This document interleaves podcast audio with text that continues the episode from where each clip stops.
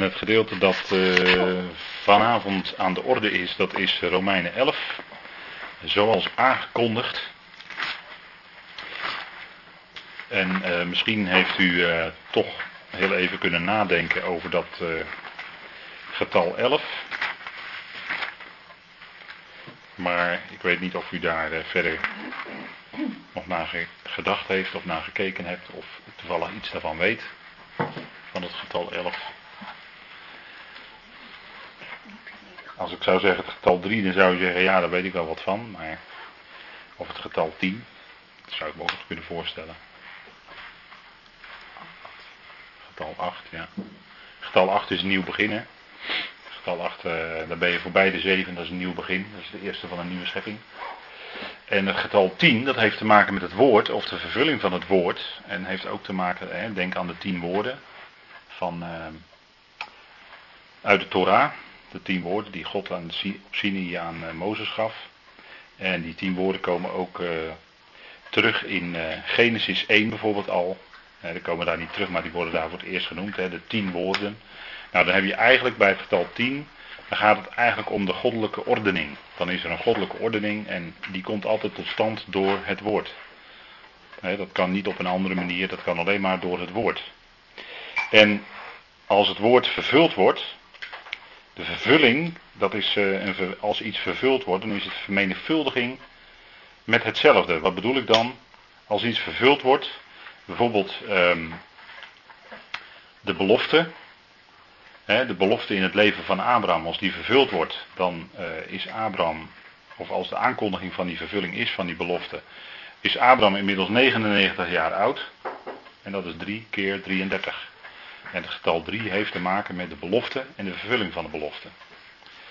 En dan als je op een gegeven moment komt bij de 10 of de vervulling van de 10, dan is dat 100. En 100 heeft te maken met het ingaan in het koninkrijk. Maar dat heb ik wel eens vaker gezegd. En dan heb je dus eigenlijk de vervulling van de belofte, de vervulling van het woord. Hè, 10 maal 10. Maar als je dan bij de 11 komt, dan ben je dus 1 voorbij de 10 en dan ben je nog niet bij de 12. En wat bedoel ik dan? Dat is misschien heel raadselachtig als ik dat zo zeg, maar 12 in de schrift is het getal van de regering, is het getal van heerschappij, goddelijke heerschappij of regering. Denk maar aan de 12 apostelen. De 12 apostelen die zullen uh, zitten op tronen en de 12 stammen van Israël richten. Dus dat is regering, dus getal 12 en de 12 stammen van Israël zullen ook over de wereld, over de volkeren regeren. Ook getal, getal 12. En de elf zit daar dus tussenin. Hè? Dus tussen de goddelijke ordening, vervulling van het woord, en de twaalf, de regering die komt. Daartussenin zit de elf. En zei ja, dat is allemaal mooi gezegd. Maar hoe kan je dat nou zien? Nou, dat kan je bijvoorbeeld zien in uh, Richteren. Hè? U kent die geschiedenis wel van Simpson en Delila. En uh, toen op een gegeven moment maakte Simpson zijn geheim bekend. Hè. Het geheim zat in zijn haar. En daar zou ook nog wel veel meer over te zeggen zijn. Maar daar, gaan we misschien ook wel eens over spreken. Maar toen, ehm, toen werd aan Delila een som geld geboden. En dat vinden we terug in Richter 16.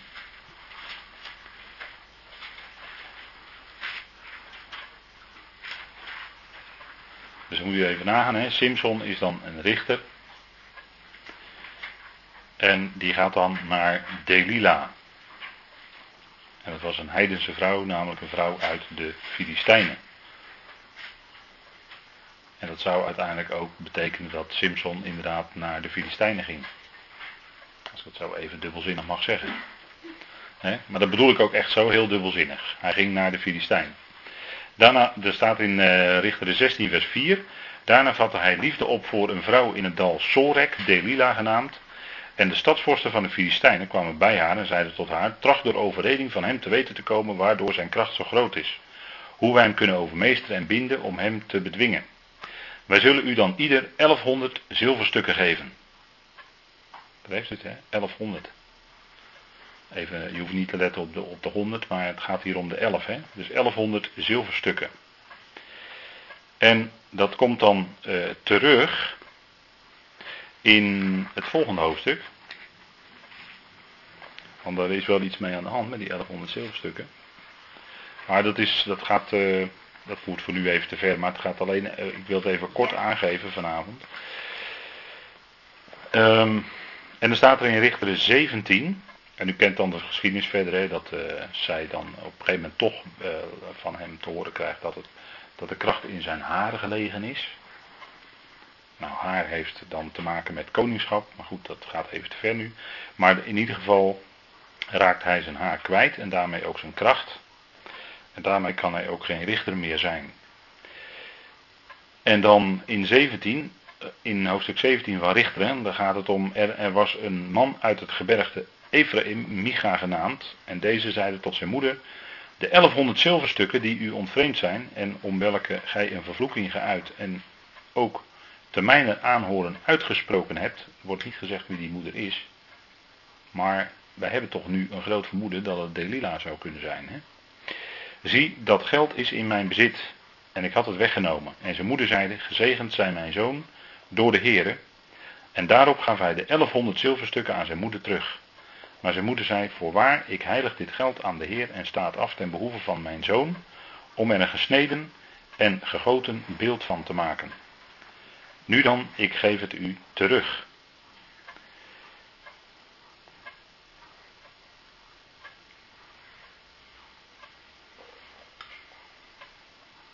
En dan ja, lees nog even door. Toen hij zijn moeder het geld teruggegeven had, nam zij 200 zilverstukken en gaf ze aan een zilversmid die er een gesneden en gegoten beeld van maakte dat in het huis van Micha kwam te staan. Deze Micha had namelijk een godshuis. Hij maakte een efot en terafim, beide een zijn zonen en deze werd zijn priester. En in die dagen was er geen koning in Israël. Ieder deed wat goed is in zijn ogen. En hier zien we eigenlijk dat in de richtere periode deze 1100 zilverstukken dus een hele belangrijke rol spelen. Simpson raakt daar door zijn haar kwijt. Hij kan geen richter meer zijn. En het was ook in de tijd dat er nog geen koning was. En ziet u dan hier dat, dat die 1100 zilverstukken dus te maken hebben met een periode waarin er nog geen koning is in Israël. Dus we hebben nog niet het koninkrijk, we hebben nog niet de koning, de heerschappij. En als ik dat in een getal uitdruk, dan zijn we nog niet aan de 12. Begrijpt u? Dus het is even, moet even tot u doordringen. Hè? Maar dan ziet u dus dat die 11 iets te maken heeft met dat er nog geen echt regering vanuit God is, nog geen koning is. Ik kan dat nog verder onderbouwen door te zeggen dat van Jozef en van Jozua allebei gezegd wordt dat zij 110 jaar oud werden. En met 110 zit je dus ook bij de 11. Dat is heel opmerkelijk, hè? Dat van ieder wordt het twee keer genoemd in de schrift. Dat ze 110 jaar oud werden en dat zij dus gestorven zijn. En dus nog niet het echte koningschap hebben kunnen ontvangen. En zowel Jozef als Jozua zijn natuurlijk allebei een geweldige voorafschaduwing type van de Heer zelf. De Heer Jezus die namelijk zelf koning zal worden. Maar dat is in de vervulling van de, ja, ja. Toen uh, Jezus uh, opgenomen werd, of, uh, waren er maar elf apostelen. Ja, dat was ook tekenend. Dat, dat is ook weer een punt, dat er nog geen koningsheerschappij was. Want hij had wel met, over, met hen gesproken 40 dagen lang over de dingen aangaande het koninkrijk van God. Maar hij kon nog geen koning zijn, dus hij had elf discipelen bij zich. Hij werd weggenomen en pas toen hij weggenomen was, ja, toen... kwam de twaalfde erbij, namelijk Matthias. Ja. Dus hier zien we ook weer even een illustratie hoe dat getal 11 dan op een bijzondere manier in de schrift een rol speelt. Nou, dat is even over het getal 11. Dat is even, even om uh, even uw gedachten erbij te bepalen. Vandaar dat ik dat eventjes uh, aangaf.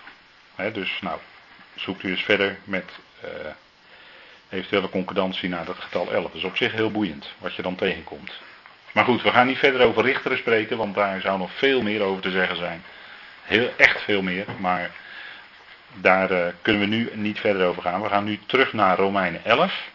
Daar zijn we dus, hè, bij vers 11 ook. En dan lezen we daar vanaf vers 11. Ik vraag dan, ze zijn toch niet zo gestruikeld dat zij wel vallen moesten? Volstrekt niet. Door hun val is het heil tot de heidenen gekomen, om hen tot naijver op te wekken. Betekent nu hun val rijkdom voor de wereld en hun tekort rijkdom voor de heidenen? Hoeveel te meer hun volheid. Ik spreek tot u, heidenen, juist omdat ik apostel der heidenen ben, acht ik dit de heerlijkheid van mijn bediening, dat ik zo mogelijk de naijver van mijn vlees en bloed mocht opwekken en enige uit hen behouden. Want indien hun verwerping de verzoening van de wereld is, wat zal hun aanneming anders zijn dan leven uit de doden? Tot zover even dit gedeelte, want we gaan de volgende keer, dat is over twee weken, hopen wij uh, uitvoerig in te gaan op het volgende gedeelte en dat gaat over de olijfboom. Maar dat is een onderwerp apart, dus daar gaan we een hele avond dan de volgende keer over spreken. Dat is erg belangrijk dat we daar goed zicht op hebben wat dat betekent.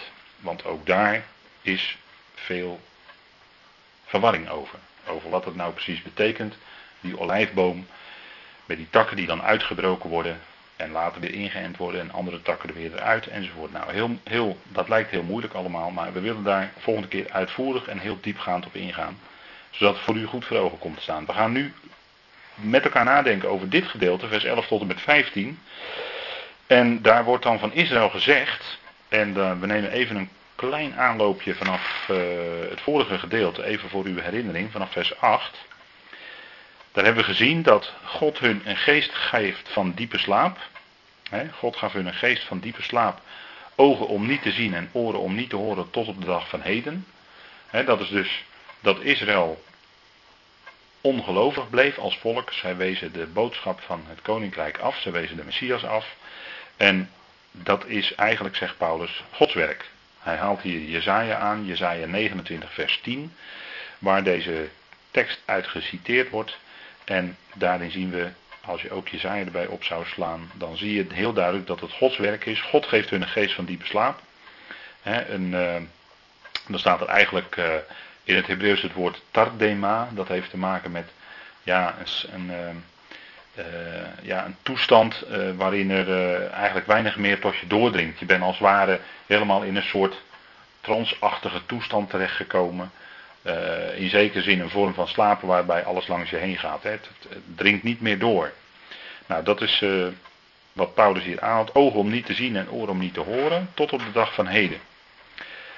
En dat is dus de situatie inderdaad tot nu toe. Hè, dat Israël als volk, en bedenk hier dat het gaat in Romeinen 9 tot met 11 over Israël als volk en de andere volkeren. Het gaat hier dus niet om individuele gelovigen, maar hier gaat het om algemeen het hele volk en hele volkeren. En dat is wat over Israël gezegd wordt. Er waren natuurlijk in de dagen van Paulus ook al wel degelijk uit het volk Israël mensen die gelovig waren, die wel echt gelovig waren, maar dat was maar een kleine minderheid. Een rest, daar heeft Paulus in het eerste gedeelte van je uh, Romein 11 over gesproken. er is nu een overblijfsel gelaten naar de verkiezing der genade. Die kleine rest, die hoort dan bij dat lichaam van Christus. En dat maakt hij later bekend in de Efezebrief. Dat die gelovigen uit Israël en de gelovigen uit de heidenen samen die ene nieuwe mensheid vormen, wederzijds verzoend door het kruis. En dat ze daardoor die nieuwe mens zijn in Christus Jezus. Maar goed, dat gaat hij dus later bekendmaken. Er is dus een gelovige rest en daar geldt dit uiteraard niet voor, maar voor het volk als geheel geldt dat zij een geest van diepe slaap hebben. Ogen, hoewel ze zien, maar ze zien toch niet. Oren, ze horen het wel, maar het dringt niet door. er is verharding. En dat is tot op de dag van heden. Zo is het precies vandaag aan de dag nog steeds. Gaat u maar met uh, met name orthodoxe joden erover spreken dat Jezus de Messias is. Nou, dan moet je maken dat je wegkomt, want je hebt kans dat je inderdaad echt letterlijk stenen naar je hoofd krijgt dat, uh, zo, zo is het tegenwoordig nog steeds. Nou, en dan, zegt, uh, dan haalt uh, Paulus nog psalm aan, psalm 69. Hè, dan zegt hij, en David zegt, hun tafel wordt tot een strik. We hebben vorige keer ook wat nader ingegaan op die tafel. Tafel is een uitdrukking van gemeenschap. Je zit gemeenschappelijk aan tafel te eten. En we hebben gezien wat er dan allemaal eigenlijk op die tafel van Israël lag. Die lag helemaal vol met hun eigen religie, met hun eigen godsdienst. En er was geen ruimte voor de tenag. Er was geen ruimte voor het woord van God zelf. En daarom zegt uh, David als profetie over hen: hun tafel worden tot een strik. dat, uh, het woord duidt erop uh, iets, wat je, iets wat je aanspant. Dus een strik zet je bijvoorbeeld om een dier te vangen. die, die zet zijn voet dan in die strik, of zijn poot in die strik, en die, wordt dan, die spant dan aan. En die kan er dan niet meer uitkomen. En een net, dat is bij de vissen dan, een vangnet. Nou, vissen die zwemmen in het net, het net wordt aangetrokken, de vissen zitten in het net, ze zitten erin gevangen en ze kunnen er niet meer uit. En zo zit Israël in feite, als het gaat om orthodoxen, als het gaat om uh, degene die de religie aanhangen, uh, dan gaat het erom dat zij in dat net van hun eigen religie als het ware gevangen zitten en er niet uit kunnen komen. En zo is het vaak bij mensen die ja, onderhevig zijn aan een bepaalde religie. Je kan ook zeggen cultuur, hè, want het heeft er heel nauw mee te maken. Maar die zitten daarin gevangen. Mensen zitten gevangen in tradities. En soms merk je dat. Als je met mensen spreekt, dan merk je gewoon dat zij gevangen zitten in een web van tradities. En ze kunnen daar eigenlijk niet uitkomen. Ze proberen het wel en ze proberen dan uh, ja, met je mee te denken, maar dan komen er weer allerlei andere dingen ineens op tafel. En uh, dat verhindert dan weer om het juiste zicht te hebben op genade bijvoorbeeld. En om uh, ja, dat, dat zicht echt op de genade zoals Paulus dat brengt, ja, dat wordt dan eigenlijk verhinderd. Hè? Dus dat is voor hun een vangnet. Een net waar ze in gevangen zitten. Een aanstoot, hè? En tot een aanstoot, een aanstoot, waar ze zich aan stoten. Hè, dat woord wordt ook gebruikt in eh, de Galatenbrief voor de,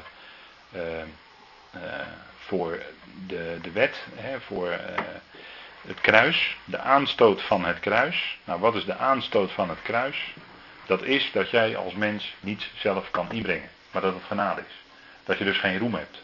Dat je dus met jouw vlees, met jouw eigen werken, kun jij dus helemaal niets doen voor God. Je kunt niet naar God opklimmen. Je kunt niet iets doen waardoor je er beter voor komt te staan bij God. Uh, je kunt ook niet uh, bijvoorbeeld door iets te laten, ik noem maar wat vasten of zo. Waardoor mensen ook denken dat ze dan dichter bij God komen. Ja, het is allemaal eigen menselijke probeersels, menselijke inspanning. Het helpt allemaal niks, want het kruis van onze Heer, de kruisiging van de Heer, betekende het einde van de oude mens. Betekent dus ook het einde van het vlees. Daar werd ook het vlees afgesneden. Dus die hele oude mens. Die hele oude mens die probeert, misschien wel heel mooi en soms ook heel vroom en noem maar op, met allerlei goede dingen dichter bij God te komen, het helpt allemaal niets. Het heeft geen enkele waarde voor God. Waarom niet? Omdat het geheel en al, van A tot Z, het werk is van Christus zelf. Het is zijn werk en daarom is het ook Gods genade dat we geroepen zijn en dat we überhaupt hier kunnen zitten, dit met elkaar kunnen overdenken en dit ook nog kunnen begrijpen. Nou, dat is allemaal Gods genade. Dus een aanstoot van het kruis. Nou, dat in het geval van Israël was hun eigen tafel geworden tot een aanstoot. Want ja, eh, die lag vol met hun eigen dingen. En zo ligt de, de, tafel van de mens ook vaak vol met eigen dingen. En is er geen ruimte voor God. En het punt is natuurlijk dat dat eigenlijk allemaal van tafel moet. En Gods woord erop moet komen. En een vergelding zelfs voor hen. Hè? Een terugbetaling. Dus het is ook nog eens een vergelding. Komt als het ware op hun eigen hoofd terug. En dan zegt Paulus in vers 10: laten hun ogen verduisterd worden, zodat ze niet zien, en doe hun rug, ja niet voor goed, maar zich voortdurend krommen. En dan staat er eigenlijk samen buigen. Dus ze gaan gebukt onder hun eigen religie. Hun ogen worden verduisterd, zodat ze niet zien. En dat is wat ook uh, dan profetisch over dat volk is uitgesproken. En zo is het nog steeds vandaag aan de dag. Ze hebben geen licht. Ja, ze hebben wel het licht van de Tenach, maar ze zien het niet. En ze zien het niet van wie de, ze hebben niet door dat de Tenach spreekt in alle delen van onze Heer. Nou, dan zegt Paulus, ik vraag dan, want ze zijn gestruikeld, hè. En dit wordt ook dan vaak wel verkeerd opgevat. En we zien ook dat de vertalers dit uh, verkeerd hebben opgevat, waardoor je het verkeerd leest ook. Dan zegt Paulus in vers 11, ik vraag dan, ze zijn toch niet zo gestruikeld dat zij wel vallen moesten. Want normaal gesproken in dagelijks verkeer is het zo, als je struikelt, dan val je ook. en dat woord voor vallen is, uh, hier, wordt hier wel gebruikt in, in, de, in deze zin. maar is het nou zo dat Israël die struikelde over hun eigen tafel eigenlijk, zou je kunnen zeggen, over hun eigen godsdienst. Zij wezen de Messias af, dat had ook te maken met zijn eigen godsdienst, dat kwam er voor in de plaats. Maar is het dan zo dat zij ook wel moesten vallen? Nee, ze struikelden, maar het wonderlijk is dat ze toch niet gevallen zijn. Dan zegt Paulus, volstrekt niet. het zou erop kunnen lijken, nee. Je zou denken ze gaan nu vallen, dus met andere woorden, vallen zou betekenen dat ze als volk definitief uitgeschakeld zouden zijn. Maar zo is het niet. Ze struikelden alleen maar en ze blijven toch nog als volk bestaan en ze spelen toch nog een rol. Waarom? Omdat Gods belofte daar ligt. Nou, daarom zegt Paulus, volstrekt niet. En dan zegt hij, als we het even letterlijk vertalen, in hun val is het heil tot de heidenen gekomen om hen tot naijver op te wekken. En hier zit iets bijzonders in. Kijk, hier staat niet het woord val, maar hier staat het woord krenking. Dat is in het Grieks, ik zal, ja, dat is even voor als mensen dat uh, nazoeken eventueel. U kunt met, aan de hand van de concordante vertaling gewoon makkelijk nazoeken, de Duitse of Engelse. Maar er staat in het Grieks het woord paraptoma en dat betekent, dat betekent inderdaad uh, krenken. En wat is een krenking? Wat is een krenking? Want je hebt zeg maar een zonde. Maar een zonde kan tegelijkertijd ook een overtreding zijn. En het kan ook nog eens tegelijkertijd een krenking zijn. En dat wordt van de eerste zonde van Adam en Eva ook gezegd. Dat het niet alleen een zonde was, maar ook een overtreding. Want God had iets gezegd en dat overtraden zij. Maar het was ook nog eens een keer een krenking, want er zat een stuk wantrouwen in, in hun daad. Of uit hun daad sprak een stukje wantrouwen naar God. En dat was eigenlijk waarmee zij God krenkten. En nu is het wonderlijke dat als je in de schrift het woord krenking gaat nazoeken, dat het te maken heeft met verzoening. Of ik kan het beter andersom zeggen, dat verzoening heeft iets te maken met krenkingen. Verzoening heeft iets te maken met krenkingen. En dat zijn nu de lijnen in de schrift die je eigenlijk moet weten, anders kom je er niet uit. Um, verzoening heeft te maken met krenkingen. En terwijl rechtvaardiging te maken heeft met zonden en overtredingen. Dus dat zijn twee verschillende lijnen van waarheid, om het zo maar te zeggen. Dus je hebt zonden en overtredingen. Daarvoor moest iets gebeuren. Nou, dat is gerechtigheid. Daarvoor is Christus gestorven enzovoorts. En zijn geloof. En als het dan gaat om, en, en heeft ook te maken met zijn lijden. Maar als het gaat om krenkingen, daar gaat het om iets diepers, daar gaat het om vijandschap. Dan heeft het te maken met de gevoelens, met de emoties, met de onderliggende emoties, met de onderliggende gevoelens die, er, die achter een bepaalde daad zitten. Met de motieven, daar heeft het mee te maken. Nou, een krenking heeft dus te maken met gevoelens. Een krenking is iets waardoor je het hart van God, uh, ja, hoe moet je dat zeggen? Waardoor je het hart van God raakt. Waardoor het hart van God verwondt, wou ik zeggen, maar dat is een beetje moeilijk om dat te zeggen. Maar dat is dan menselijk gezegd over God, maar dan begrijpt u wat er bedoeld wordt. En nu hebben we dus die krenkingen als uiting van een stukje vijandschap of vijandigheid. Wat, wat moet daar dan komen? Daar moet dan verzoening komen. Want door die krenking is er dan een stukje vijandschap, verwijdering, afstand ontstaan en dat moet verzoend worden.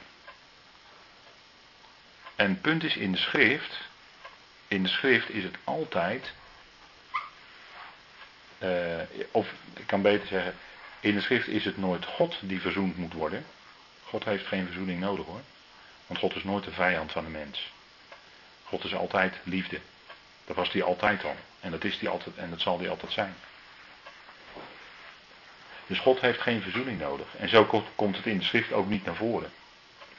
Wat in de schrift verzoening nodig heeft, dat zijn wij. Dat is de mens. Wat verzoening nodig heeft, is de wereld. En dat is zo, zo wordt er ook over gesproken in de schrift. En dat is wat hier naar voren komt in dit stukje. Hè, want um, in vers 15 hier wordt het woord verzoening ook gebruikt. Hè? Want ik ga nu uh, dus diep in op die krenkingen. En dat is ook nodig, omdat in vers 15 komt het woord verzoening dan ook naar voren. Want indien hun verwerping, of indien hun wegwerping, de verzoening van de wereld is, wat zal hun aanneming anders wezen dan leven uit de doden? Dus hun wegwerping, dat is dus hun is Israël. Hun wegwerping is de verzoening van de wereld. En hier wordt gesproken over die, eh, wat we altijd dan zeggen, die eenzijdige zaken. Dus verzoenende houding vanuit God.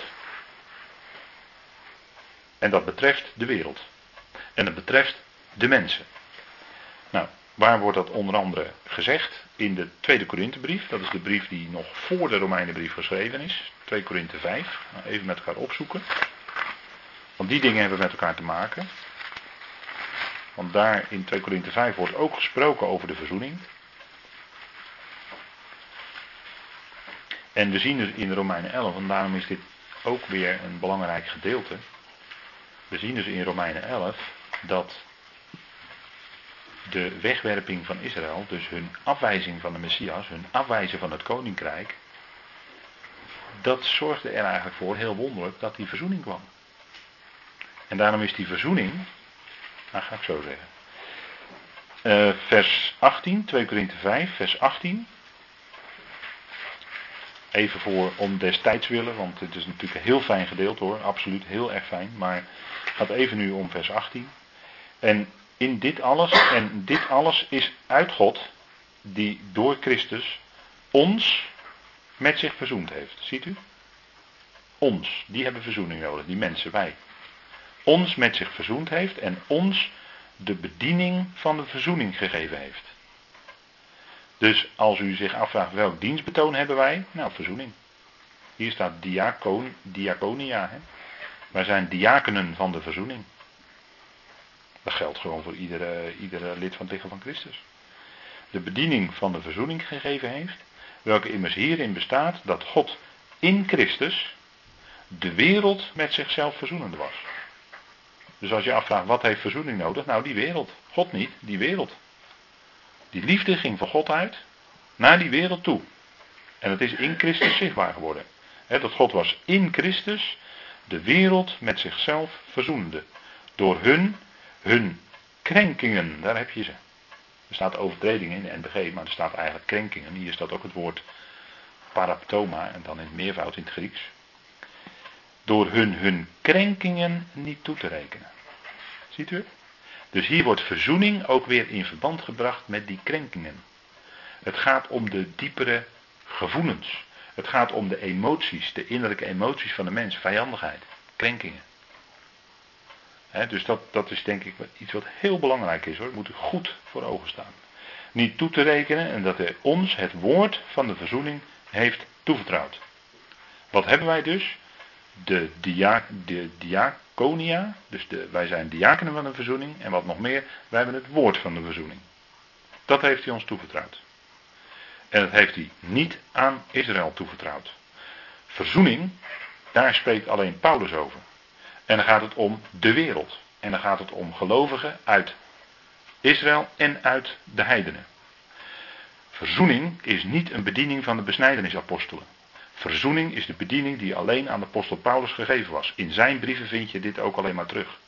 En dat kon ook niet anders, want die verzoening komt pas aan de horizon naar boven om, geestelijk gezien, op het moment van Israëls wegwerping. Op het moment dat Israël zich verhardt en de Messias het boodschap van het koninkrijk afwijst.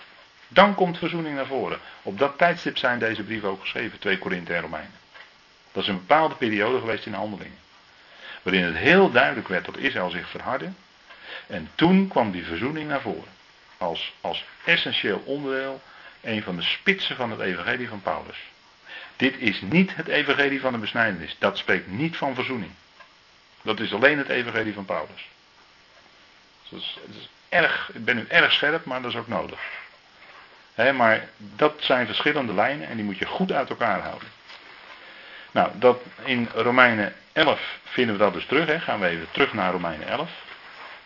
Hebben we dus gezien dat krenkingen in verband worden gebracht met verzoening, of andersom. En u kunt dat zelf ook nazoeken als u Romeinen 5 en dan met name het tweede gedeelte leest. ook daar gaat het over verzoening. Er wordt diverse keren gesproken over krenkingen. En dit is eigenlijk het gedeelte, Romeinen 11. Dit is het gedeelte van Romeinen 11. Dat spreekt van het onderwerp verzoening, maar dan betreffende de volkeren. De wereld, God was in Christus, de wereld met zich verzoenende. Dat wil zeggen de wereld, dat wil zeggen alle volkeren. Zonder onderscheid. En dat is een geweldige zegen, is dat eigenlijk voor de wereld als geheel. Want wat betekent dat, dat God verzoend is? Hoe merken wij dat in de wereld, en nog steeds vandaag de dag in de wereld? Dat merken wij doordat God niet rechtstreeks ingrijpt. Wat bedoel ik daarmee? Als we kijken bijvoorbeeld in de geschiedenis van Elia en de Baal-priesters, dan zien we dus dat God daar vuur op dat altaar geeft, dat hele altaar verteert en die Baal te kijk zet. En eigenlijk die godsdienst dan daar aan de kant schuift. Dat gebeurt vandaag aan de dag niet. En vergis u zich niet, die Baal-godsdienst is vandaag aan de dag nog gewoon overal aanwezig. Ik zal er niet te veel over zeggen. Maar eh, ik kan u wel vertellen dat eh, de vrijmetselaarbeweging bijvoorbeeld, die doen eigenlijk niets anders dan de Baal-godsdienst. dat is ook een religie hoor, die vrijmetselaarsbeweging. Dat is niet uh, zomaar een, eh, een, een, clubje, maar dat is een hele religie. He, daar zit heel veel achter. Maar dat is eigenlijk gewoon in de kern de Baalsgodsdienst. Dat is eigenlijk Babel. En in deze tijd grijpt God niet rechtstreeks in. In deze tijd uh, ja, duurt het eigenlijk heel lang voordat bepaalde gevolgen uh, naar voren komen. Uh, laat ik nog een voorbeeld geven. Als je kijkt naar wat er gebeurde bij Ananias en Safira, die dus de apostelen zeg maar ja, bedrogen hebben. Wat gebeurde daar toen? Nou, die vielen dood aan de voeten van, van Petrus. Hè? Dus God greep daarin. Heel snel. En dat had te maken, hè, dat, en als we het hebben over Petrus, dan hebben we dus over de gemeente, hè, de, de, de Ecclesia, die iets te maken heeft met, met het koninkrijk. Hè, zeg maar de koninkrijksgemeente. Daar ging dat zo. En zo zal het in de komende tijd, als de gemeente straks weg is, het lichaam van Christus weg is, zal het in die koninkrijksgemeente ook weer zo gaan. Met tekenen en wonderen en noem maar op. En dan zullen zij um, ook weer deze dingen meemaken. En dan zal de Heer dus door zijn geest rechtstreeks direct ingrijpen. In deze tijd doet hij dat niet. En dat is uh, omdat in deze tijd het geheimenis van het evangelie, hè, de verzoening is, het, is eigenlijk het geheimenis van het evangelie, dat klinkt in deze tijd. En tegelijkertijd spreekt deze tijd, Paulus voor deze tijd, ook over het geheimenis van de wetteloosheid. En dat noemde ik net even met dat vandaag aan de dag gewoon die Baal-godsdienst nog gewoon wordt uitgeoefend. Anders is het gewoon niet. Um, dus we leven in de tijd van verzoening, waarvan Paulus zegt in 2 Korinthe 6 bijvoorbeeld, dat het nu een wel aangename tijd is. Dat het nu een dag is van redding. Hè. Zegt Paulus, zie, nu is het een wel aangename tijd. Nou, dat is het nog steeds. Maar de tijd gaat heel snel naar het einde. We zitten heel dicht aan tegen de slotfase, tegen de allerlaatste dagen van deze tijd van verzoening.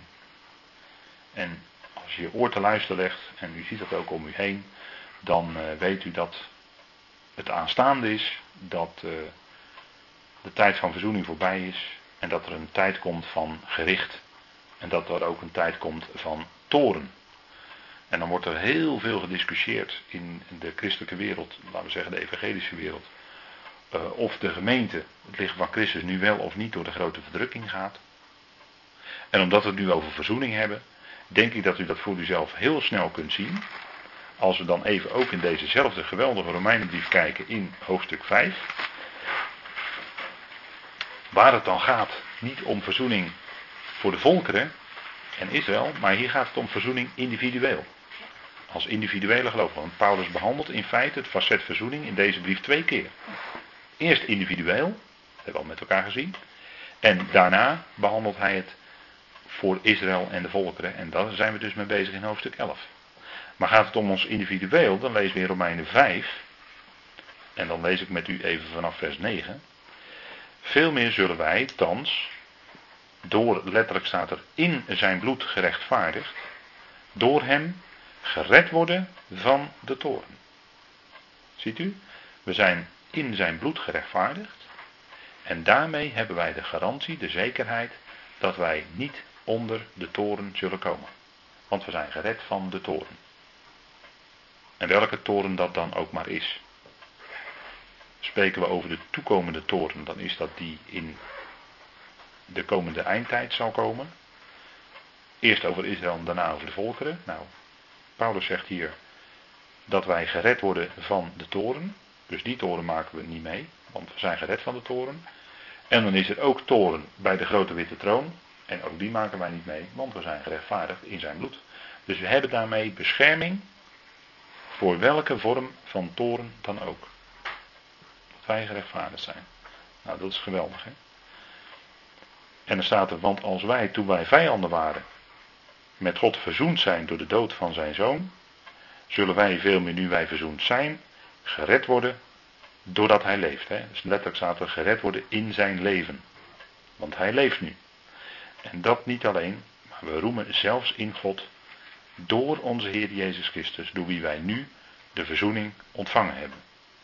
Wij hebben die verzoening ontvangen, dan is het wederzijds en dan zijn we heel dicht bij Gods hart. Want dan zijn we eigenlijk uh, met hem, hè, met die zoon, mee heel dicht bij God. Eigenlijk aan de rechterhand van God. Nou, dat is natuurlijk geweldig, hè? Dat we zo dicht bij hem zijn. Dus dat is het feit, we zijn gered van de toren. Dus de vraag voor ons, kan het zijn dat de gelovige, of heel het lichaam van Christus, of een gelovige die bij het lichaam van Christus hoort, dat die de periode van Gods toren hier op aarde mee moet maken? Nou, dan kunnen we nu zeggen nee, want in Romeinen 5 staat dat wij gered zijn van de toren. We zijn in zijn bloed gerechtvaardigd. En we kunnen dat ook nog natuurlijk verder laten zien in Thessalonicense, waar dat ook heel duidelijk staat. dus je hebt eigenlijk twee mogelijkheden, Thessalonicense en Romeinen 5. Dus daarmee wordt gewoon duidelijk dat wij nooit onder die toren hier op aarde kunnen komen. Nou, ik denk dat dat uh, erg fijn is om uh, weer even met elkaar vast te stellen. Nou, gaan we even terug naar uh, Romeinen 11. En we hebben het dus over de verzoening. En met het feit dat die verzoening er is, is eigenlijk een geweldige tijd. dat is nu al bijna 2000 jaar aan de gang. Dat die verzoening geldt, het geheimenis van het evangelie. En wat is het ongelooflijk spijtig dat heel veel christenen in kerken dit niet te horen krijgen. Niet te horen krijgen over verzoening. Bij de Reformatie, Luther enzovoort, ontdekte rechtvaardiging door geloof. Die was op de goede weg. Maar die is eigenlijk nooit gekomen tot het punt van de verzoening. Had hij dat nu ook maar gezien. Maar goed, zo heeft het moeten zijn. Maar dat zou natuurlijk fantastisch zijn geweest. Maar het feit dat, dat die verzoening vandaag de dag geldt, dat is eigenlijk het antwoord op heel veel vragen. Want veel mensen die eh, verwijten God van eh, hè, dat, dat, zodra je over eh, God hoort spreken of gaat spreken. Nou, dan zeggen mensen, ja, maar uh, moet je nou eens kijken, al die ellende hier en daar en in, in de derde wereldlanden en honger en, eh, en alle, allemaal kinderen die omkomen en, en al die alle verschrikkelijke dingen die mensen elkaar aandoen. Waarom doet God er niks aan? Dat is het raadsel, voor veel mensen het raadsel van dat God stil is in hun ogen dan. Hè? Hij laat niet van zich horen. Nou ja, wij zeggen dan, eh, hier heb je de hele Bijbel vol, hij laat genoeg van zich horen. Maar als men daar niet naar wil horen, dan zeggen men, ja, ja ik, hoor, ik hoor helemaal niets van God. En zo hebben de theologen ook gezegd van, uh, eh, Dorothee Zuller was dat in de jaren 60, 70 of zo. Eh, die werd daar een soort beroemd mee dat ze zei: God is dood. Maar dat was natuurlijk niet zo. Het was eigenlijk precies andersom. Zijzelf. Zijzelf was eigenlijk voor God dood. En daarom kon ze hem niet horen. Maar dat is precies andersom. En tegenwoordig heb je dominee Hendricks. Nou ja, daar hebben we wel eens over gehad. Hè? Dus daar gaan we verder ook maar niet over hebben. Maar dat is allemaal dat men op een of andere manier denkt, omdat, omdat ze vinden dat God niet zich, van zich doet spreken, daadwerkelijk, omdat ze zijn woord ook uitgehold hebben. Uh, dat zijn allemaal uitingen van mensen die zeggen, ja maar waar is God dan? Waar is God als uh, Auschwitz plaatsvindt? Waar is God als je alles, al die verschrikkingen van de Tweede Wereldoorlog en wat er in China is gebeurd en wat er in Rusland is gebeurd met al die miljoenen doden. Verschrikkelijk. Slachtoffers van het communisme. Waar is God? Eh, vragen mensen zich af. Nou, God reageert niet. Waarom niet? Verzoening. Hij is verzoend, anders had hij al lang, bij, wijze van spreken, anders had hij al lang ingrepen op die dingen. Maar laat die mens ook, hè, we leven ook in de dag van de mens, waarin hij de mensen gang laat gaan en gewoon laat zien van, nou mensen, als jullie zelf nou dat, dat bestuur in handen willen hebben, nou kan je dus zien wat er, wat wat er dan van terecht komt. Of wat er, dat het dus helemaal niet terecht komt. Dat aan alle kanten verschrikkelijke dingen gebeuren. Nou, dat is God heeft vrede. En God laat zijn woord van verzoening in deze tijd klinken. Het is, hij is verzoend. Nou, dat is dus in, wat in deze tijd geldt. Hè? En dan uh, heeft dat dus te maken met Israël. Heeft alles te maken met de houding van Israël. Want hè, we zijn uh, aan het kijken naar vers 11. Hè? Want in hun krenking, staat er in Romein 11 vers 11, is de redding tot de natie gekomen om hen tot jaloersheid op te wekken. dus uh, die redding, dat heil is naar de natie gegaan. Zoals Paulus dat uh, heel duidelijk ook zei in handeling 28, maar ook al eerder hoor in handelingen. En dat had de bedoeling om bij Israël jaloezie op te wekken. Om hen tot jaloezie te wekken. En er staat er niet alleen het woord voor ijver hier in het Grieks, maar er staat iets meer. En dat betekent jaloersheid.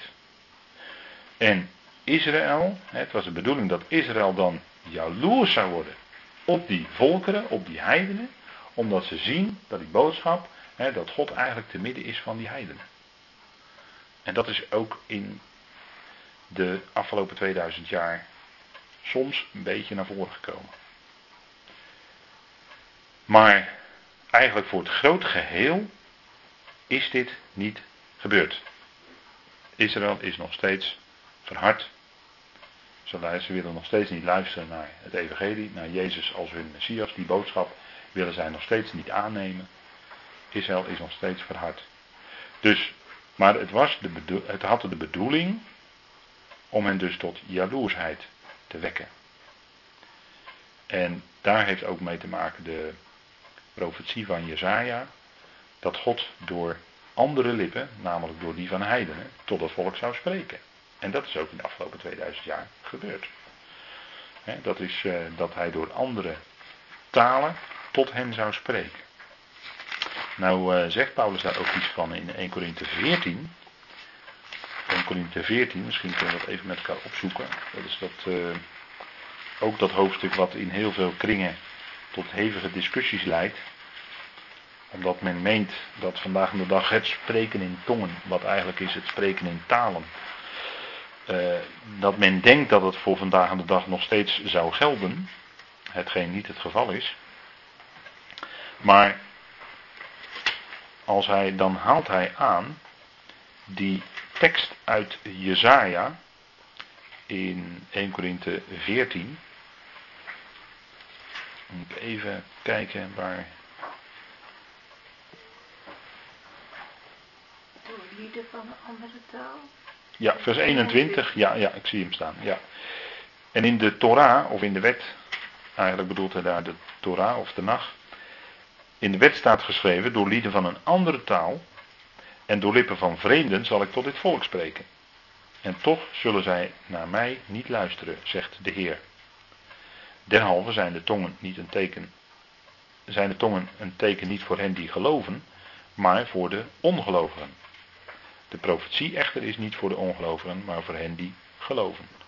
dus het spreken in talen, lippen van vreemden, dat die tot het volk Israël spreken, dat was juist een teken voor de ongelovigen van Israël, opdat zij tot jaloersheid gewekt zouden worden. Dat is wat Jezaja ook zegt. dit, is een, dit, dit haalt Paulus aan uit Jezaja 28. Profetisch zag dat dus op deze periode, waarin door mensen van een vreemde tongval, van een vreemde taal, dus laten we zeggen wij als Nederlanders bijvoorbeeld, en uit andere volkeren, dat die het evangelie van de Heer tot het volk zullen spreken. Nou, dat, dat wordt, en al die eeuwen wordt dat steeds eigenlijk vervuld, hè, die profetie van Jezaja. En dat is dus een teken voor de ongelovigen uit Israël. Dus dat hele spreken in tongen, wat dan, waarover zoveel gediscussieerd wordt en van, waarvan men vindt dat het in de, in de gemeente zou moeten gebeuren. Nou, u ziet dus waar het eigenlijk voor bedoeld is. Het is eigenlijk bedoeld dat mensen dan van een vreemde tongval toch tot de Joden kunnen spreken. En dan tot de ongelovige Joden. Daar is het eigenlijk voor bedoeld. Dus die hele toestand die er was in Korinthe. En al die oneindige discussies over spreken in tongen, ja of nee. Die kun je eigenlijk, als je dit zo verklaart, kun je zo aan de kant schuiven.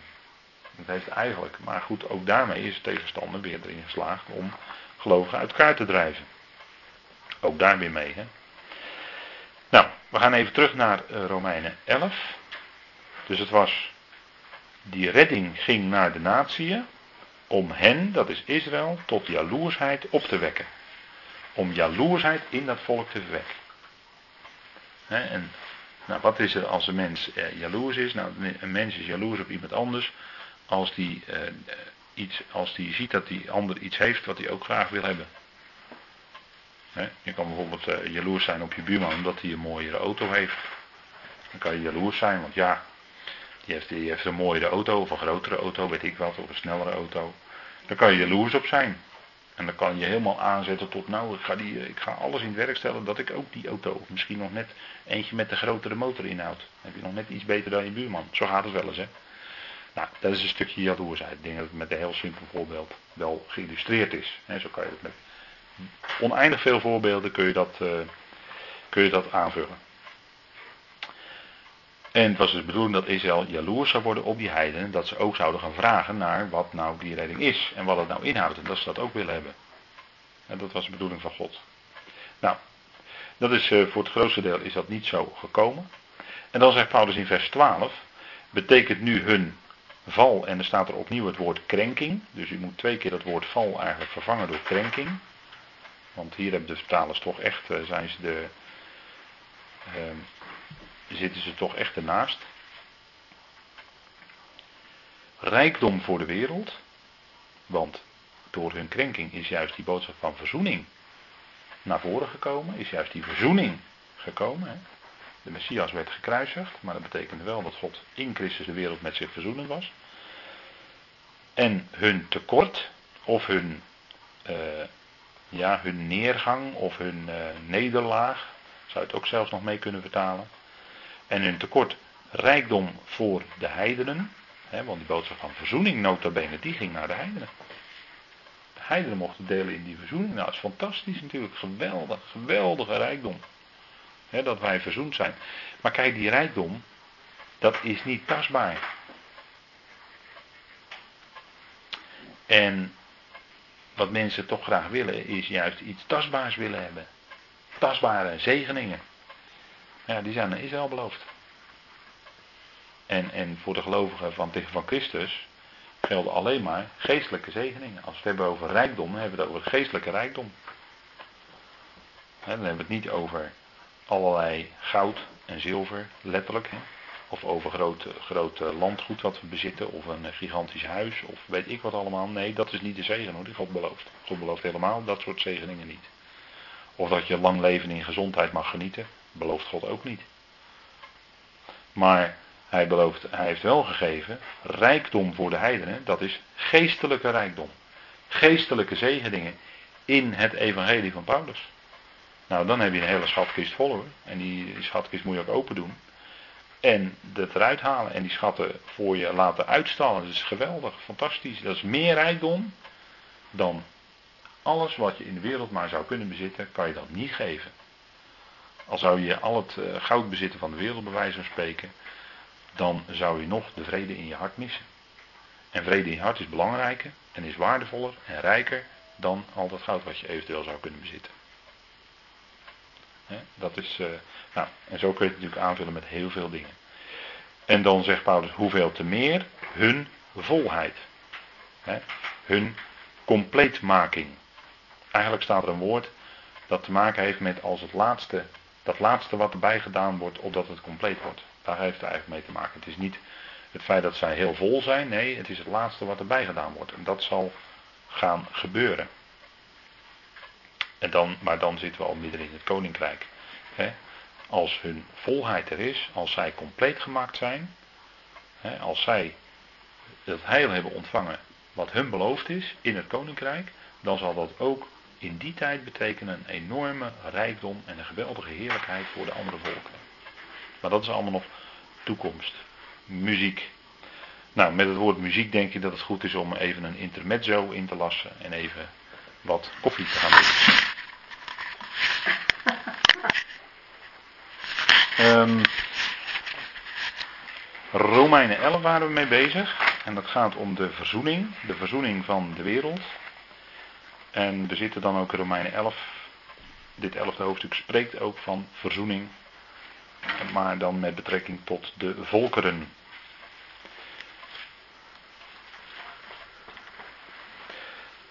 Dus hun betekent nu hun, vers 12, Romeinen 11, vers 12, betekent nu hun krenking rijkdom voor de wereld en hun nederlaag of hun neergang rijkdom voor de heideren, hoeveel te meer hun volheid.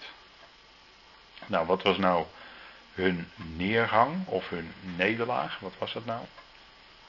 Of uh, ja, misschien moet ik het anders vragen. Wanneer werd dat nou zichtbaar, hun nederlaag of hun neergang? Wanneer werd dat zichtbaar? Toen uh, Paulus natuurlijk met die boodschap naar de ging. Ja. Met de boodschap van genade. Ja. Dat was de eerste aankondiging. En dan aan het eind van handelingen zegt die, uh, die spreuk uit de, het woord uit Jezaja. Ja. Dan ga ik naar de heidenen. Ja, precies. En, uh, dan zegt hij dat, die bevestiging daarvan. Ja.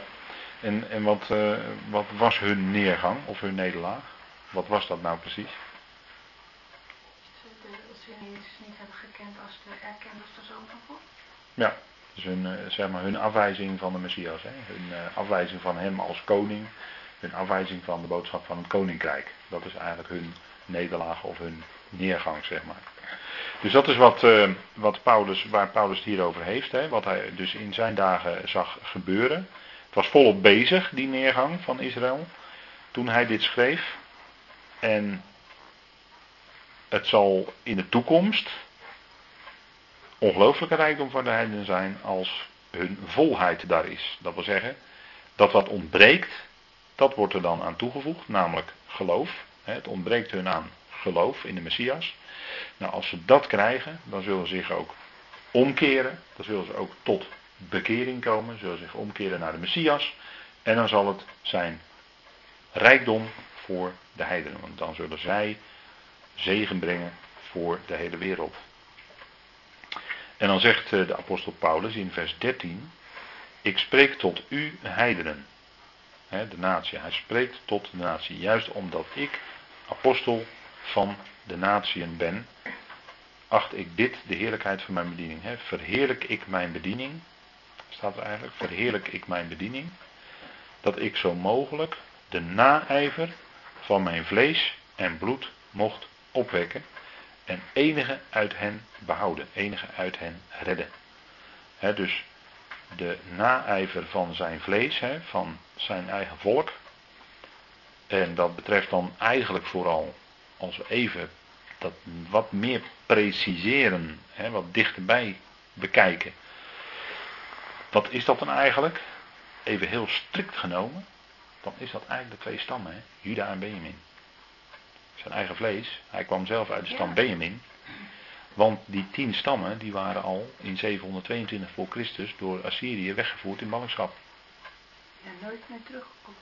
En die zijn niet teruggekomen. Nou, nog niet. Die komen wel weer terug. Maar die zijn eh, nog steeds in de verstrooiing. En dat was in de dagen van de apostel Paulus ook zo. Er was wel een terugkeer geweest naar het land, maar niet alle stammen. Dat trof vooral Juda. Degene die uit Babel, die in Babel in ballingschap waren. Dat was de twee stammen. Die waren door Babel weggevoerd. En die kwamen ook terug. En die hebben Jeruzalem en de tempel herbouwd. Ja, dus, Juda en Benjamin. dus dat is eigenlijk hè, waar Paulus hier op doelt. Hè. Het gaat hier eigenlijk over de twee stammen. Hè, dat is eigenlijk Juda. En werd ook zichtbaar hoor in, eh, in eh, Judas. Want kijk, Paulus haalt in het vorige stukje haalde hij Psalm 69 aan. Ehm, David zegt, hè, vers 9 hebben we dat met elkaar gelezen. Hun tafel worden tot een strik en een net en tot een aanstoot en een vergelding. Gaan we even naar Psalm 69. Dan ga ik dit even laten zien waarom ik dat zeg. Dat gaat om, om de twee stammen, Juda en Benjamin. Psalm 69. Dat is eh, een van de, wat men zegt, de lijdenspsalmen.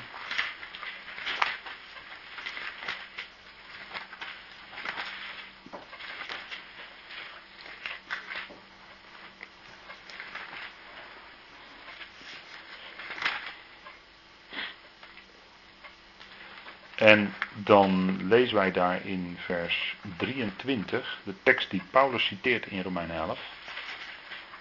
Ja. En dan zegt eh, David dus, hun tafel worden voor hun aangezicht tot een strik en hun genoten tot een val.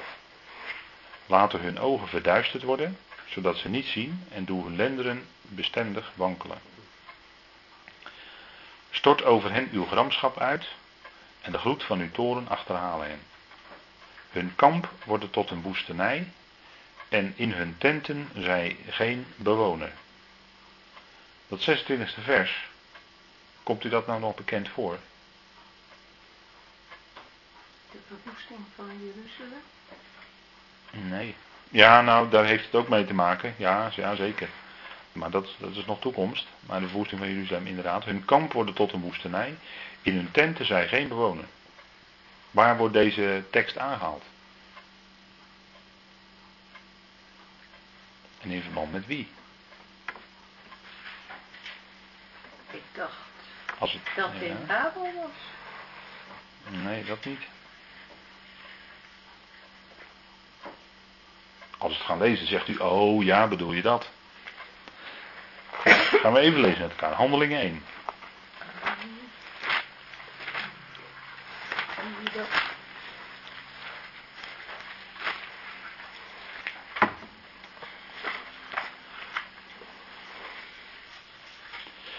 Handelingen 1 en dan vanaf vers 15.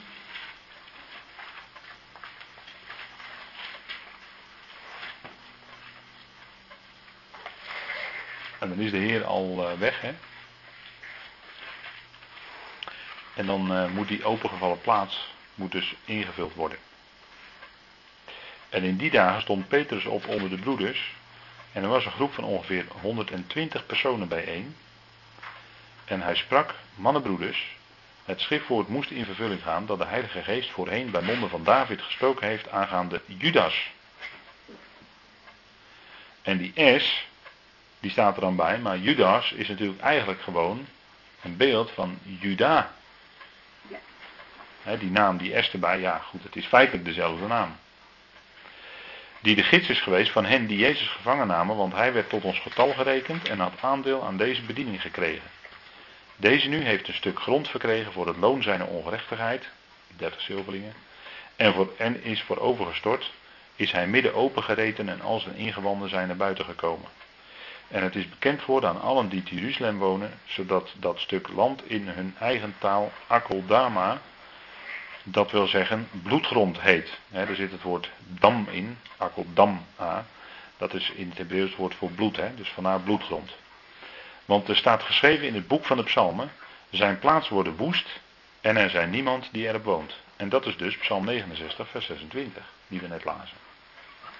En die tekst wordt dus toegepast op Judas, met andere woorden op Juda, die dus, uh, Judas die dus meegeholpen had om de Heer over te leveren aan de Romeinen, zodat hij gekruisigd werd. En daarmee natuurlijk ook een enorme krenking heeft begaan. En we hebben het hier over de krenking van Israël.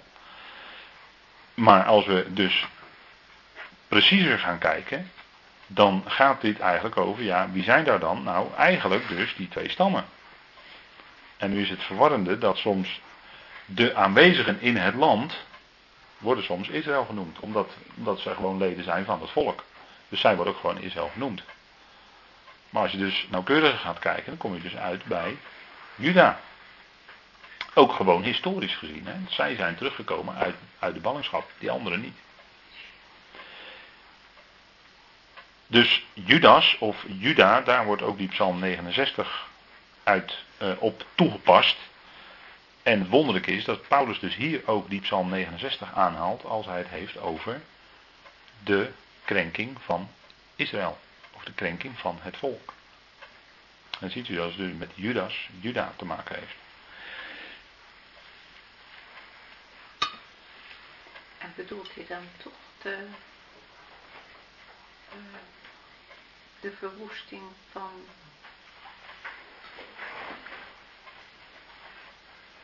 Jeruzalem en dat het, uh, uh, het land uh, ontvolkt wordt. Uiteindelijk wel, maar er staat natuurlijk in meer profetieën. Dat, dat kun je ook in, als ik het goed heb, kun je dat ook in Joël en zo terugvinden. En er zijn ook nog andere profeten die daarover spreken. Zacharia, verwoesting van Jeruzalem. Dus dat, dat is wel met meer profetieën te onderbouwen. Maar goed, dat is in ieder geval wat, wat Paulus zijn bediening was dat dus hij de naijver van zijn vlees en bloed mocht opwekken en enige uit hen behouden.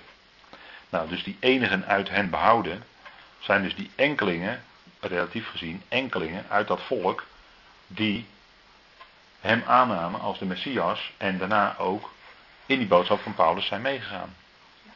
dat zijn diegenen uit dat volk die, uh, die hier door Paulus bedoeld worden, de enigen uit hen, uit het volk Israël. En dan zegt hij in vers 15, want indien hun verwerping of indien hun wegwerping, hè, dus wel, dat wil zeggen dat Israël eh, tijdelijk eh, op een zijspoor is eh, gesteld, hè, tijdelijk is weggeworpen als het voorwerp van Gods ontferming en genade en de bediening, de verzoening van de wereld is, dus Israël opzij betekent wel verzoening van de wereld. Zij krenkte hem. Nou, gevolg daarvan is dat het heil naar de heidenen ging.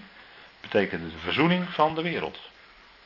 en de verzoening van de wereld, nou, wereld is kosmos. Dat wil zeggen, dus kosmos uh, betekent uh, een systeem, een ordening, een geordend systeem. En dat is dan deze wereld. En dan gaat het in dit geval hier om gewoon de wereld van de volkeren. De wereld als geheel zoals wij die kennen. Maar de wereld kan ook soms in andere teksten ook iets anders, uh, iets, iets nog meer omvattend zijn. Maar de verzoening van de wereld. En dan zegt hij, wat zal hun aanneming, hè, of hun wederaanneming, of hun terugneming, anders zijn dan leven uit de doden. Nou, dat kan ook niet anders. Hè.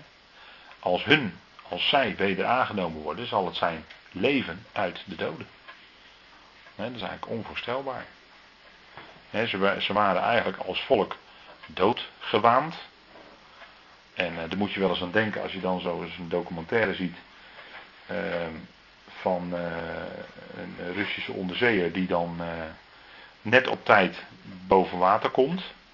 En als het niet, niet veel later was geweest, dan was de bemanning was omgekomen onder water. Maar die kwam net op tijd door een reddingsactie, kwam die boven water. Nou, die, die bemanning die al doodgewaand was, ja, dat bleek, die bleken toch te leven. Zeven bemanningsleden, die overleefden het allemaal. Ongelooflijk. Ze kwamen precies op tijd boven. Nou, die zee, eigenlijk vond ik dat een prachtig mooi beeld, want de zee is in de Bijbel altijd een beeld van de volkeren. Van de volkerenzee. Nou, als daar mensen uit naar boven komen, en wateren zijn in de Bijbel ook vaak, heeft een dubbele betekenis. Want het kan aan de ene kant dood zijn, het kan, kan ten dode zijn, water, denk maar aan de Jordaan, hè, de doodsjordaan. Maar het kan ook een bron van leven zijn. Het is maar net op welke manier het je overkomt. Nou, zo kwamen die mannen, die kwam dus boven. En het was als het ware leven uit de doden. Want je zou denken van nou, dat overleven ze niet en dat komen niet op tijd. En kwam toch nog net op tijd. Nou, ongelooflijk. En zo zal uh, Israël ook, en dat, we zien daarvan natuurlijk in, vanaf 1948 de tekenen, dat ze daar als volkje weer in dat land zijn. Nou, dan komen ze dus uit die volkerenzee als het ware, komen ze toch weer bovendrijven. Dat is eigenlijk onvoorstelbaar. En, dat is, dat is, en zal straks echt leven voor hen zijn, leven uit de doden. Als zij weer weder aangenomen zullen worden. Nou, daarover heeft de schrift wel wat te vertellen. In Hosea bijvoorbeeld, even Hosea opzoeken.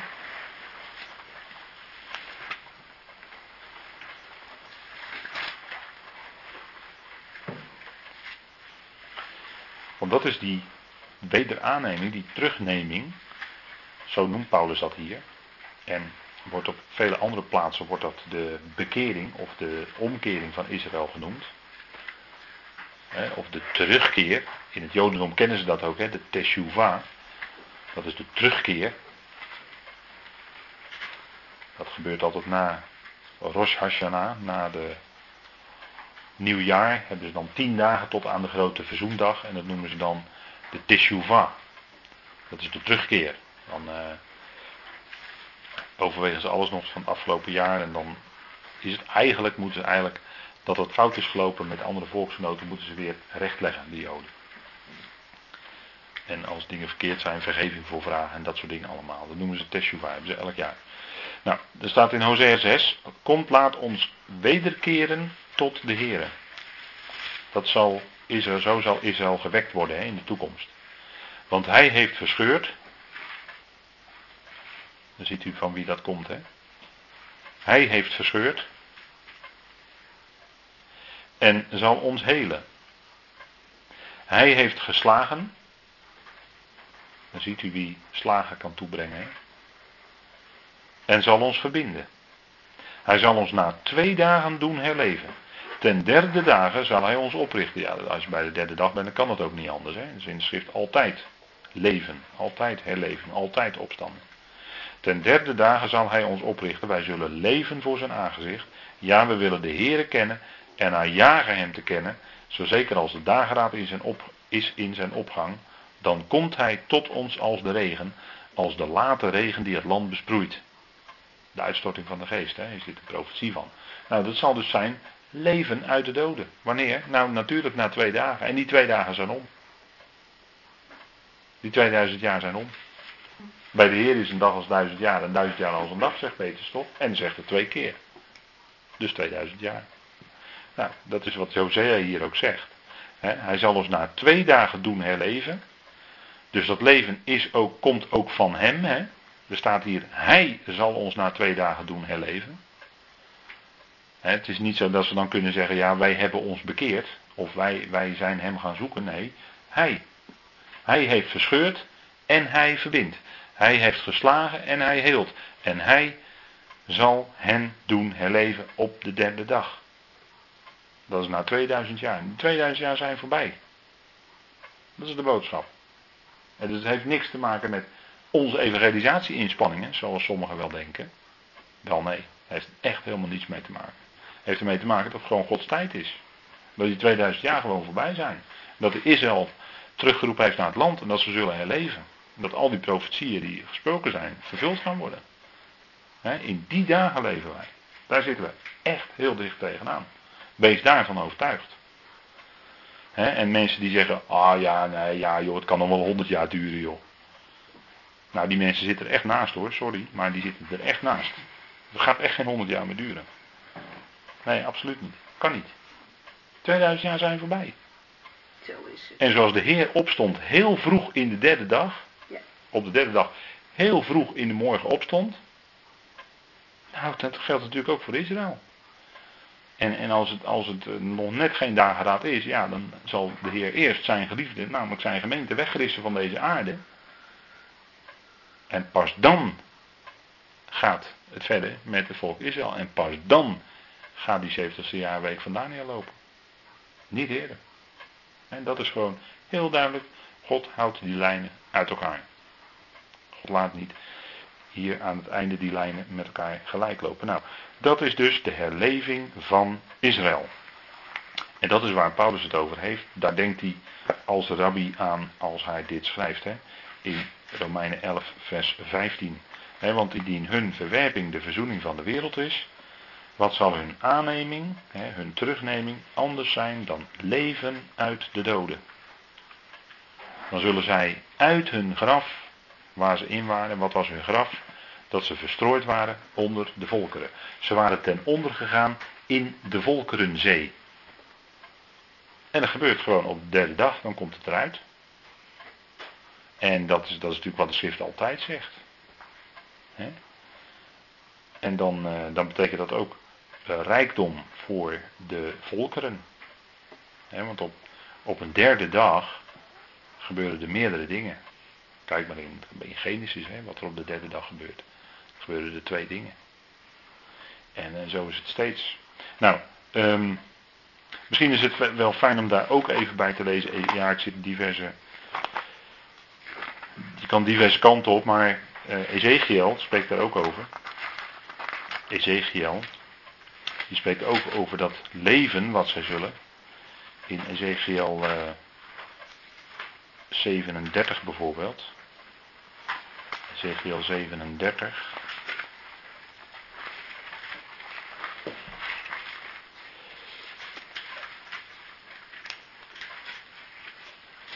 En dan zien we ook weer dat de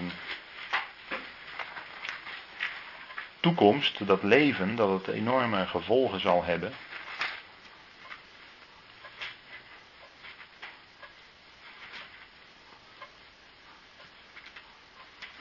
En dan ziet uh, Ezekiel ziet dus dat dal van dorre doodsbeenderen. Uh, en dat is wat wij nu ook zien. Dat is wat wij nu zien. Wij zien een ongelovige staat Israël. En dan uh, zegt Ezekiel inderdaad terecht van er is geen geest in. Hè? Dat staat in vers 8. Daar ziet hij dus dat, uh, dat tot een lichaam worden. Ik zag toe en zie er kwamen spieren op, hè, op die beenderen die hij zag, en vlees, en er trok huid overheen, maar geest was er nog niet in hen. En daarop zeide hij tot mij, profeteer tot de geest, profeteer mensenkind, en zeg tot de geest, zo zegt de Heere Heere, kom van de vier windstreken, o geest, en blaas in deze gedoden, zodat zij herleven. Toen profeteerde ik zoals hij mij bevolen had, en de geest kwam in hen, en zij herleefden, en gingen op hun voeten staan, een geweldig groot leger. Dus wat we nu zien is dat dode lichaam, maar dat gaat pas leven als in vervulling gaat wat hier staat in Ezekiel. Als er geprofiteerd wordt en als die geest komt van de vier, winden, van de vier windstreken en in hen dat leven geeft en zij gaan herleven.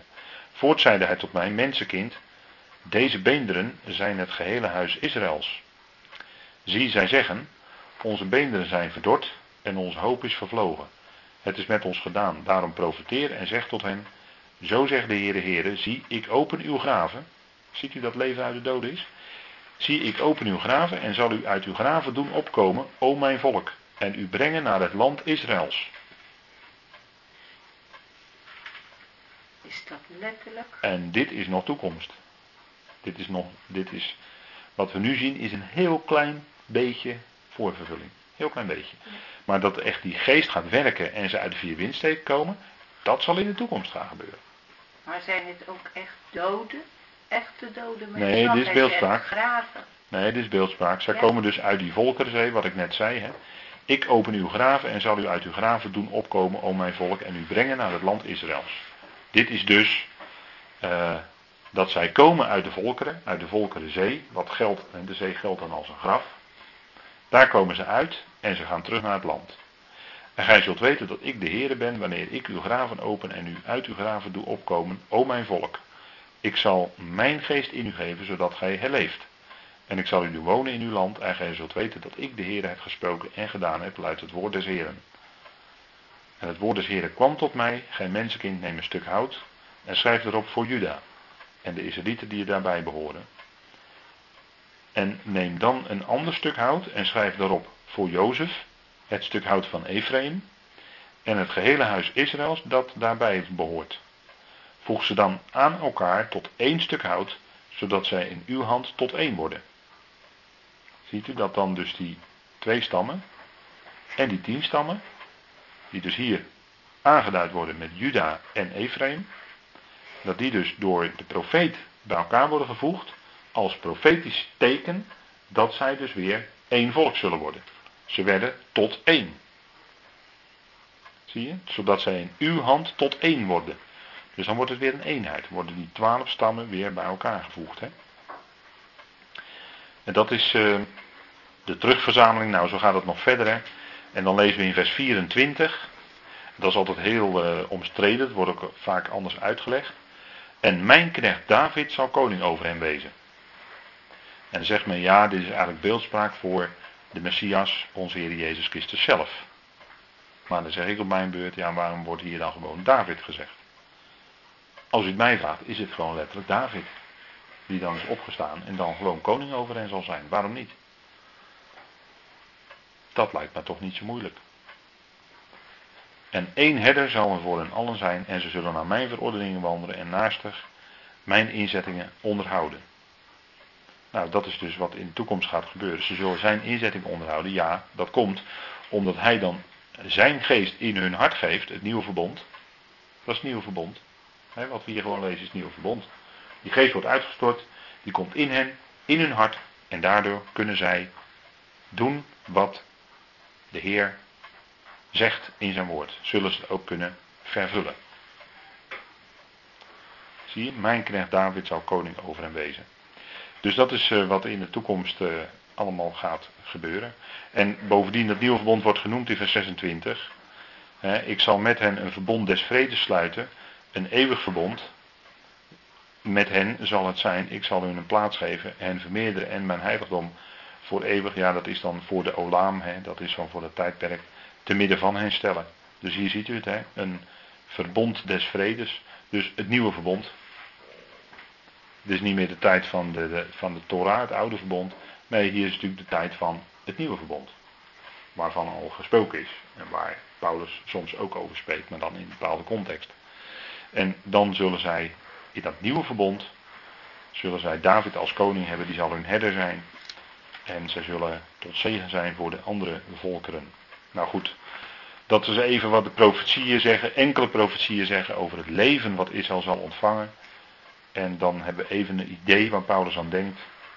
Dat hun terugneming of wederaanneming, wat zal het anders zijn dan leven uit de doden?